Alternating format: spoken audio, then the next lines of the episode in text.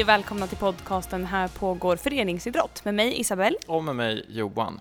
Idag så ska vi diskutera hjärnan faktiskt. Mm, vi har ju pratat med psykiatrikern Anders Hansen om hjärnans betydelse, eller egentligen fysisk aktivitets betydelse för hjärnan. Mm. Eh, Han höll ju en föreläsning här i Örebro för ett tag sedan och har även gett ut en bok. Och han påvisade lite att det är väldigt viktigt att röra sig för att hjärnan ska fungera optimalt. Vad tog du med dig från den föreläsningen? Eh, Ja, men dels att all rörelse räknas, att det är bra att röra sig och gärna så att det blir pulshöjande.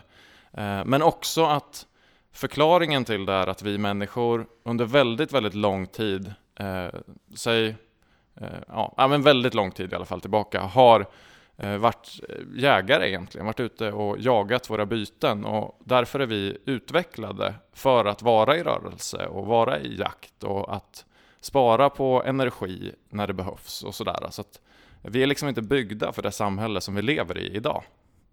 Hur eh, skulle du säga att du gör för att få in den här rörelsen för din hjärna? Ja, nej men jag gör väl som många andra. Jag försöker träna. Eh, ut och springa ibland och ner på gymmet ibland och sådär. Mm. Eh, hur gör du själv? Ja, hur gör jag själv? Det är väl ungefär samma. Men jag tyckte att det som var bra, det som kanske känns positivt, är att det krävs inte så mycket för att hjärnan ska få den här positiva ja, effekten. Utan eh, all, precis som du sa, all rörelse och aktivitet räknas. Gärna pulshöjande, men även om man cyklar till jobbet så är det positivt. Mm. Vi kan väl lyssna lite vad Anders hade att säga också. Mm, absolut, han Han kommer här.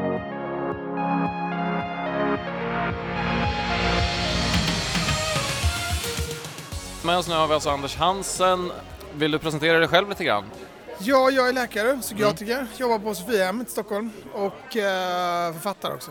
Du har skrivit boken Hjärnstark. Kan man snabbt bara berätta lite vad den handlar om? Den handlar om hur hjärnan påverkas av fysisk aktivitet och hur fysisk aktivitet påverkar alla tankemässiga förmågor i princip. Det gör att vi blir mer koncentrerade och minns bättre, blir mer kreativa, sanslöst nog till och med verkar påverka vår intelligens också. Och hur det påverkar risken för depressioner och, och stressångest och sådär. Så, att, så eh, idén var att skriva liksom en bok som dels förklarar vad, varför, eller att fysisk aktivitet har de här effekterna men också förklara vad, det här, vad som händer i huvudet när vi är fysiskt aktiva. Vad som, hur hjärnan faktiskt påverkas och förändras av fysisk aktivitet. Och sen även en dimension kring hur, ehm, varför det är så här, varför hjärnan är utvecklad på ett sånt sätt så att den stärks av fysisk aktivitet. Och, det, den, och den troliga förklaringen till det är rent evolutionär. Liksom, att, att hjärnan utvecklas så på, under vår historia så att den stärks av fysisk aktivitet därför att det var då våra förfäder behövde sina tankemässiga förmågor som mest. Då, liksom. Är det någon typ av fysisk aktivitet som jag tänker, man kan ju utöva fysisk aktivitet på elitnivå eller man kan göra det mer på motionär nivå. Det som du har sett, är det någon speciell ja, form av aktivitet eller speciell grad av aktivitet? Ja, det, det, ja, det absolut viktigaste är att allt räknas. Så hjärnan räknar verkligen varje steg, så allt är bättre än ingenting. Det bästa tycks vara, med det sagt, då, konditionsträning. Det, det är bra att promenera, man får, man, man får god effekt av det, men det är ofrånkomligt att man får bättre effekt om man får upp pulsen. Vilket sätt man får upp pulsen på, det spelar ingen roll. Som det, om man gillar att åka skidor eller simma eller löpning eller spela innebandy eller vad man nu gör. Allt funkar lika bra i hjärnperspektiv. Det som räknas är hur länge man håller på och hur mycket pulsen går upp. Och, eh, så, så att, eh, och styrketräning är inte lika positivt för hjärnan. Styrketräning har positiva effekter på hjärnan, så är det helt klart. Men de effekterna verkar inte vara riktigt lika omfattande som det man får av konditionsträning. Så den som gillar att styrketräna brukar alltid säga fortsätt med det, såklart om du tycker om det. Men det kan vara värt att lägga in konditionsträning i alla fall ibland, om inte annat ur ren hjärnsynpunkt. Styrketräning som innebär att man får upp pulsen som crossfit och så, det är precis lika bra som konditionsträning. Då. Hur kommer det sig att du har eh, valt att forska inom det här ämnet? Ja, Jag, nu jobbar jag kliniskt så jag forskar inte utan Nej. jag jobbar som psykiatriker. Bakgrunden till det här var att jag har en kompis och kollega på, som heter Carl-Johan Sundberg som är professor på KI i fysiologi och han och jag hade en dialog under egentligen tio års tid kring effekterna både på kroppen och hjärnan av fysisk aktivitet. Och det, jag är van att läsa medicinska studier och medicinsk forskning och tolka medicinska data. Och det, det jag såg, och det gjorde Carl-Johan också, var att det kom otroligt starka studier kring fysisk aktivitet minskade risken för en massa sjukdomar, bland annat sånt som man kanske inte hade trott som bröstcancer, tjocktarmscancer, demens, depression och så vidare. Och så, så sa vi det att den här, varför får inte de här fynden det utrymme det förtjänar? Det, det bagatelliserades på något vis medialt och folk så, sa lite styvmoderligt att men det där är bara eh, jogga, hur viktigt kan det vara? Det fanns liksom en sån tendens till bagatellisering. Så då sa vi det att vi, vi skriver en bok om det här. Liksom. Vi var frustrerade över det och vi tänkte gång på gång, tänk om det här hade varit en tablett. Tänk om en tablett hade kunnat visa att man blir 60% mer kreativ under ett par timmar, vilket man har kunnat visa att fysisk aktivitet gör. Eh, då hade det varit oerhört marknadsfört, alla hade känt till det. Men nu missade vi det här i modern tid bara för att vi associerade med idrott.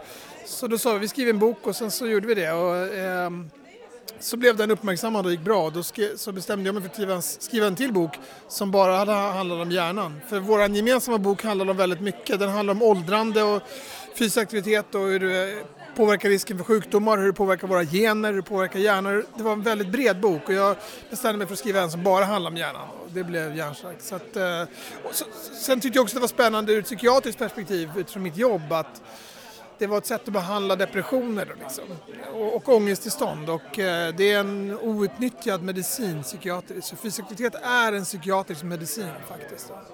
Så jag ville föra ut det budskapet. Mm, det tycker jag också ofta man kan missa när man pratar om idrott som för hälsans skull så tänker man ofta direkt på viktnedgång eller den, den hälsan som är relaterad till vikt.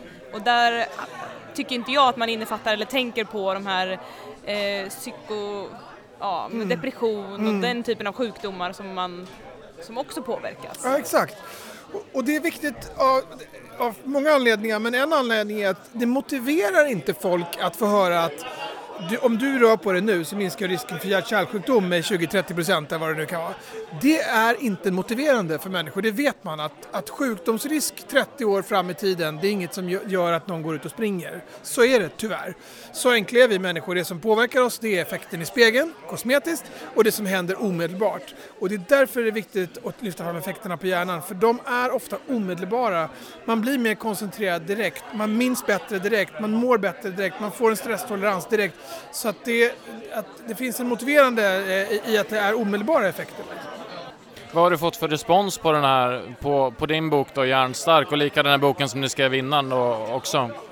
Otroligt bra respons måste jag säga. Den har, båda två har gått jättebra. Järnstark har sålt 170 000 ex i Sverige vilket är helt mer än jag kunnat drömma om och folk kommer fram varje dag på stan numera och tackar för boken och sättet har förändrat deras liv liksom, vilket känns helt surrealistiskt.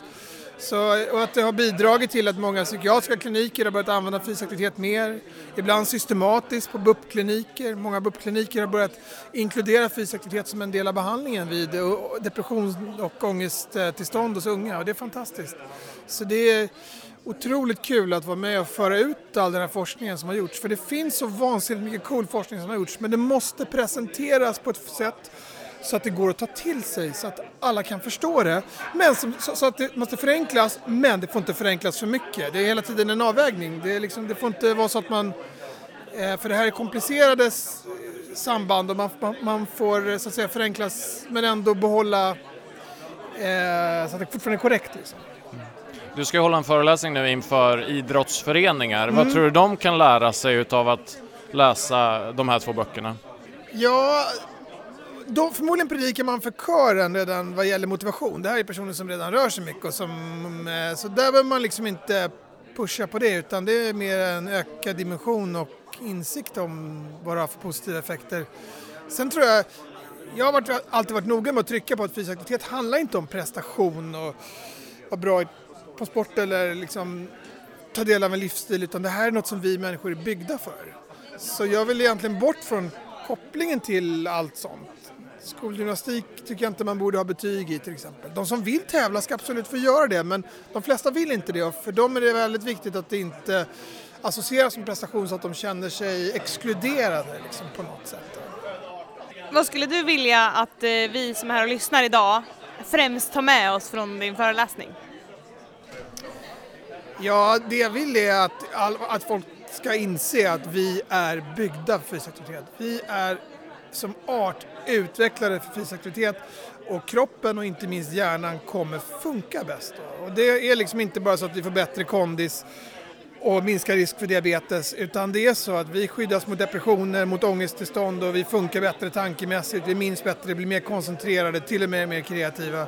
Så det är kanske för hjärnan är det nog det enskilt viktigaste man kan göra och hjärnan verkar vara det organ, märkligt nog, som förändras och förstärks allra mest av fysisk aktivitet. Om någon kommer ihåg det så jag, då känner jag att då är jag hemma liksom.